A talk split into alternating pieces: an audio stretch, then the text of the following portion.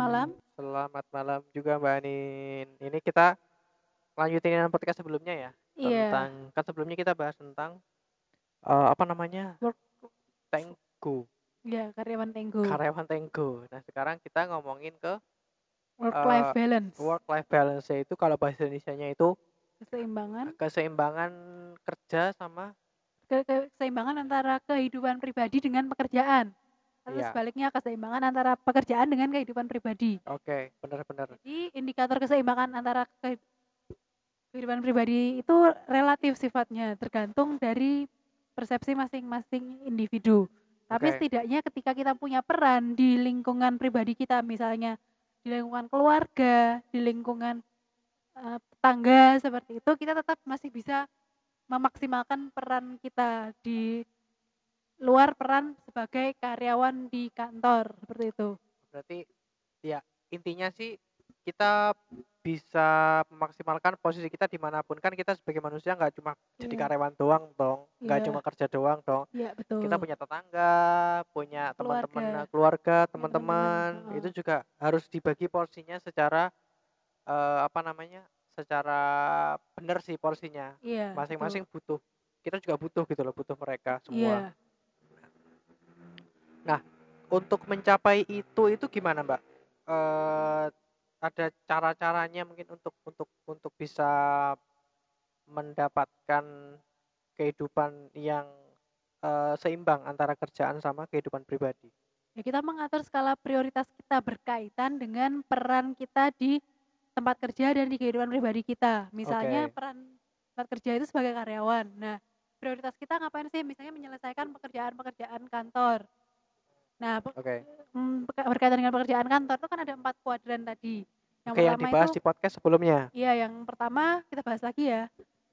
Siapa tahu mungkin ada orang yang nggak sempat mendengarkan podcast oke yang pertama. ya Iya. benar-benar Jadi yang kuadran satu itu penting dan urgent. Selesaikan saat itu juga. ya Sementara yang kuadran dua penting tapi belum urgent. Masih bisa ditunda. Rencanakan. Tapi mengerjakannya mungkin bisa lain kali atau tidak saat itu, tidak hari itu. oke Terus yang kuadran ketiga penting tapi nggak urgent. Misalnya untuk nerima tamu atau mengerjakan pekerjaan yang bukan tanggung jawabnya itu mending delegasikan saja. oke ya Atau minta orang lain yang menggantikan pekerjaan kita. Terus yang keempat adalah yang tidak penting dan tidak urgent sama sekali itu tinggalkan saja. ya itu udah nggak penting Udah urgent buang-buang waktu. ya oke Terus oke di lingkungan keluarga atau tetangga kita kembali lagi ke eh, empat prioritas pekerjaan tadi. Itu Oke. tergantung mana yang lebih penting bagi misalnya keluarga, bagi anak-anak, bagi pasangan seperti itu. Misalnya tetangga gitu. Itu mana yang lebih penting peranannya bagi lingkungan masyarakat kayak gitu. Berarti kita juga harus ngecek ya. Iya. eh, kita di keluarga itu kira-kira hal-hal apa saja yang kita harus eh, yang kita perannya krusial sekali. krusial sekali. Tidak Contoh bisa digantikan misalnya. eh, ada peran-peran mungkin dalam keluarga yang kita memang harus kita sendiri yang menangani, ada juga yang bisa didelegasikan. Iya. Contohnya misalkan nih eh untuk misalkan nih bersih-bersih rumah misalkan Mm. itu kalau misalkan kita nggak nggak sempet nih kita bisa manggil jasa kayak misalkan Gojek sekarang udah ada kan? ah, ah, go clean gitu Iya, gitulah ah. nah itu kita harus ngerti nih eh skalanya yang mana yang ha- bener harus kita yang ngerjain mana yang bisa didelegasikan ke orang Iya. lain Terus misalnya jemput anak gitu. Ah. Misalnya kita ada pe- pekerjaan bisa didelegasikan ke orang lain. ya mungkin bisa dipakein jasa ini loh antar jemput Iya, anak antar jemput itu anak. kan aman toh Iya, atau kalau itu kalau misalnya anaknya masih kecil, kalau anaknya udah gedean, misalnya SMP atau SMA, mungkin udah kuliah gitu ya bisa dia suruh pulang sendiri gitu. iya bisa lah ah. kan udah umur umur umur segitu ya harusnya bisa dong pulang sendiri Iya. Terus em, apalagi peran dalam, keluarga misalnya yang yang bisa diga- masih bisa digantikan selain itu atau mungkin yang tidak bisa tergantikan sama sekali misalnya untuk menemani anak di saat-saat penting gitu. Misalnya untuk wisuda. atau ha. untuk em, perpisahan menjelang kelulusan ah itu. ya ya itu eee, saat-saat yang penting sih bagi mereka, momennya kan, eee, momennya mereka di masa-masa seperti itu butuhnya benar-benar orang tua, nggak bisa Iya, diwakilkan, gitu. It misalnya, mmm, untuk berbincang-bincang terkait masalah pribadi anak gitu, itu sebaiknya memang orang tua ya yang Iya, melakukan. benar benar benar. Kalau misalnya, mmm, asisten rumah tangga gitu kan mungkin perannya beda ya Iya beda, tua ya. karena kan yang yang menjadi bapak ya siapa, yang jadi Heeh ibu heeh siapa, gitu heeh. kan. Iya.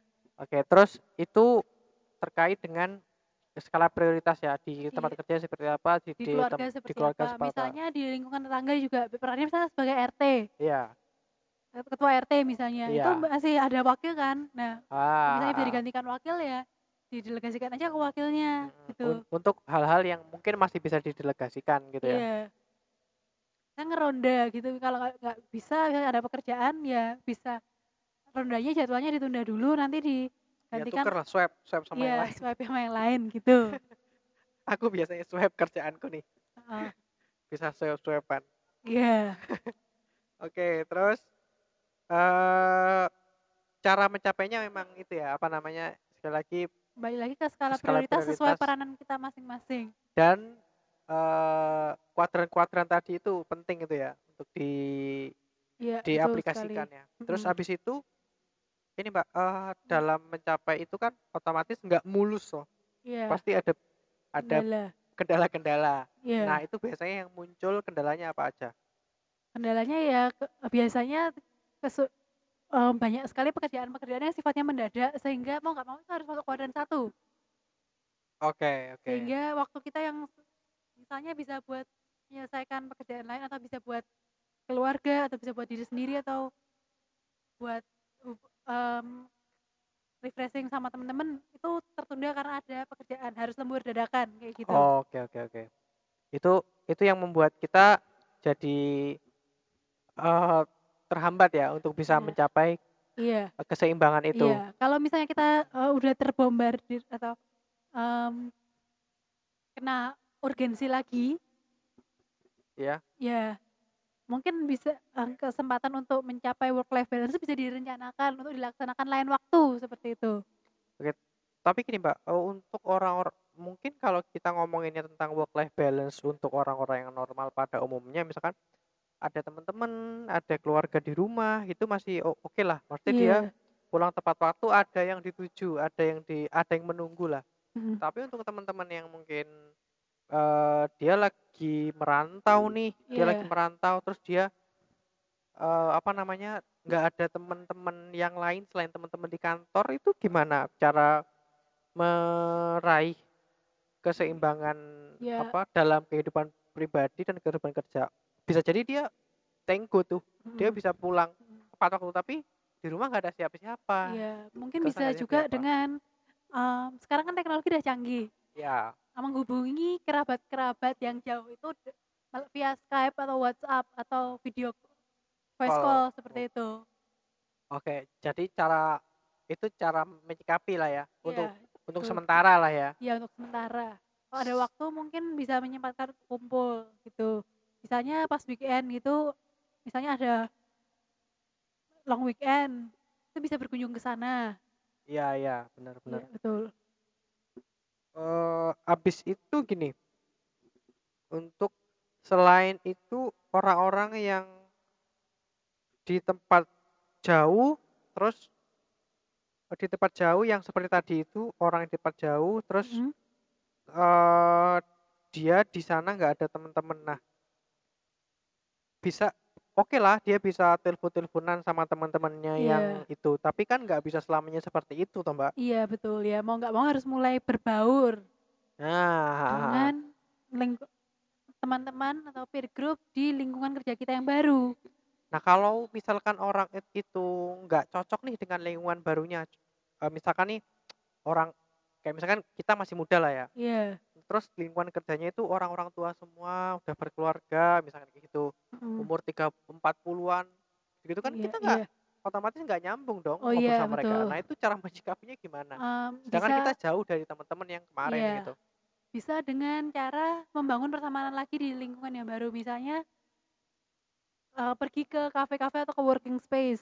Siapa tahu di situ kita bisa menemukan, eee, teman yang sepantaran. Oke.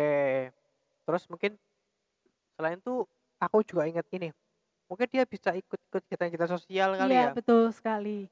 Kalau dia memang suka kayak ya gimana ya, suka nggak Iya. suka kalau memang kita mau membuka lingkungan baru mungkin awal-awalnya emang nggak nyaman gitu loh, Iya, tapi betul. dari situ kita punya lingkungan baru, punya kesempatan dapat teman-teman baru lagi Heeh yang, eee, ya seenggaknya di tempat perantauan itu ada Iya. teman buat ngobrol, Iya, buat hangout sekali, bareng heeh, gitu ya, iya iya. Bener sih. Ya ini khususnya juga buat teman-teman yang ini sih, yang susah susah untuk menjalin hubungan yang baru ya, Iya, menjalin, eee, terutama pertemanan yang baru dengan gitu. orang-orang yang berbeda usia gitu ya. Heeh, nah itu itu juga ini sih, kayak aku sendiri juga agak susah sih, Mbak. Jadi Mmm. kalau ngobrol sama orang-orang yang lebih senior gitu kayak segan gitu loh, Oh. segan mau ya bercanda kayak bebas itu agak agak segan. Mmm. Kalau yang sama yang sepantaran itu lebih enak. Oh iya. Nah itu. Nah makanya itu sih teman-teman yang agak susah dapat teman dekat di kantor mungkin perlu membuka Membuka jaringan yang luas jaringan yang lagi. baru. Iya. Mungkin cari hobi, komunitas-komunitas hobinya Iya, apa, betul. misalkan nih hobi mancing, ya udah ikut komunitas mancing. Mungkin bisa dapat sahabat-sahabat baru, teman-teman Mhm. baru dari sana. Iya, betul. Betul juga. Terus habis itu tadi udah ngomongin hambatan nih, udah ngomongin hambatan. Sekarang tipsnya ya. Heeh, gimana tipsnya, Mbak, tentang Tipsnya work untuk mencapai work life balance, yang pertama kita tidak ter perlu terlalu idealis terlalu perfeksionis terlalu berambisi meraih karir yang cemerlang gitu. Karena kehidupan kita tuh nggak cuman di tempat kerja saja, tapi kita juga punya kehidupan lain. Misalnya kehidupan keluarga, pasangan, terus kehidupan bertetangga, bermasyarakat, dan kehidupan pribadi juga nggak perlu di nggak bisa disepelekan begitu saja. Tapi juga, eee, kan orang itu bolehlah berambisi, ya nggak sih? Iya, Boleh-boleh aja boleh boleh boleh aja, tapi jangan mengorbankan kehidupan lain di luar pekerjaan yang juga nggak kalah penting. Ah, iya iya iya. Hidup nggak cuma buat kerja doang kan, ya nggak sih? Iya, caranya dengan bekerja lebih cerdas, bukan bekerja terlalu keras. Oke. Bep yang Iya. kerjaannya itu berkualitas lah ya. Iya. Oke, terus? Berkaitan dengan itu, kita juga hendaknya mulai mengatur skala prioritas. Nah, skala prioritas ini kembali lagi ke kuadran 1, 2, 3, atau 4. Nah, misalnya kita main gadget di rumah itu lihat dulu kuadrannya, kira-kira penting nggak sih, urgent nggak sih pekerjaan itu atau main gadget itu. Misalnya pas kita pas anak lagi santai-santai ya taruh dulu gadgetnya, Oke, nanti buka quality gadget time ya? lagi iya, quality time, buka gadget lagi pas anaknya lagi belajar atau anaknya sudah tidur gitu kalau anaknya masih kecil. Oke. Iya. Terus? Udah itu ya? Terus, eee, yang ketiga, Oke. ketika banyak sekali lembur, kita dan kita butuh income tambahan dan income tempat kerja mungkin tidak mencukupi. Ya. biaya hidup, biaya pendidikan anak sekarang makin mahal. Oke, bener. Iya, terus biaya kebutuhan pokok juga semakin melambung. Nah, kita perlu mulai merancang bisnis untuk alternatif income pasif tambahan. Jangan Iya. melulu meng mengandalkan lembur, karena lembur itu kan kita badannya harus aktif, sedangkan kalau kita punya income pasif, kita bisa badan tubuh kita nggak perlu perlu terlalu aktif.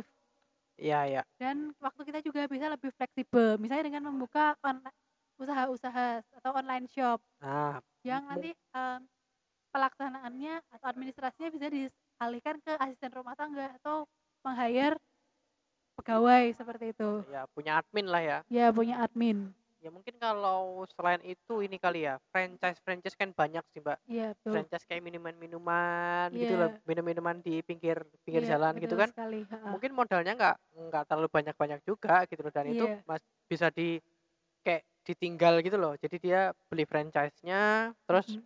dia udah ada mereknya, semuanya udah ada, Iya. tinggal dia hire orang aja sih. Iya. Ya sih? Itu juga cara cara salah satu caranya lah ya, itu terserah Heeh. teman-teman sih mau gimana, Iya. disesuaikan dengan Iya. budgetnya. Mungkin kalau yang budgetnya minim, mungkin ya online shop lah ya, Iya. jual-jual di marketplace kan banyak. Iya, jadi distributor barang. Heeh, distributor barang atau dropship bisa juga, Iya, ambil barang punya orang dijual lagi. Iya, misalnya itu di jam kerja kita bisa minta tolong orang lain gitu. Heeh, tapi kalau kalau kayak di marketplace tuh, kan apa namanya, masih bisalah Heeh. kita ngelayaninnya setelah jam pulang kantor. Heeh. tetap bisa sih tetap bisa Iya, betul sekali. ya soalnya ada atasanku juga sama sih punya Hmm. online shop gitu mbak jadi dia tetap Iya. tetap kerja Iya. tapi dia punya usaha online shop itu ya lumayan juga hasilnya Wah, iya lumayan banget tuh. ya lumayan banget dia Heeh. rame juga sih tokonya Hmm, jadi hmm. kayak ya 3 juta 4 juta dapat lah sebulan Iya. dari dari online shopnya itu itu kan Hmm. dia tetap bisa kerja Iya. pulangnya juga bisa tenggo Hmm. Terus eh, penghasilan dari kantor juga dapat dan dia dapat income tambahan Iya. tanpa wow. perlu meng- mengorbankan waktunya lagi gitu loh gitu Iya, loh. sekarang kan bisnis-bisnisnya sudah lebih fleksibel. Ah, ah, Atau ah. kalau enggak bu- buat usaha makanan kan nanti bisa di GoFood kan. ah bisa juga gitu Iya. bener iya sih sekarang udah zaman udah udah canggih banget ya Iya, betul udah sekali. udah apa apa udah bisa terus setelah Iya. itu apalagi mbak Em, ya mulai merancang bisnis itu sih ya yang alternatif-alternatif yang kiranya bisa menambah income. Buk, misalnya kalau punya modal besar bisa juga buka restoran atau buka kos-kosan. ah ya kos kosan tuh mungkin iya sih tapi kalau ya tinggal dilihat tempatnya sih ya kalau kos kosan itu tempat tinggal gitu kan dilihat apa namanya orangnya itu tinggal di kota apa di desa Iya, gitu-gitu sih betul mungkin kalau sekali. di daerah dekat-dekat kampus atau dekat-dekat Heeh. kantor itu bisa lah buka usaha kos kosan lumayan loh kos kosan Iya, tuh betul. sebulan Heeh, heeh. 400 500 dapat Iya, tuh bisa juga income pasifnya itu misalnya dengan membuat artikel-artikel di IDN Times.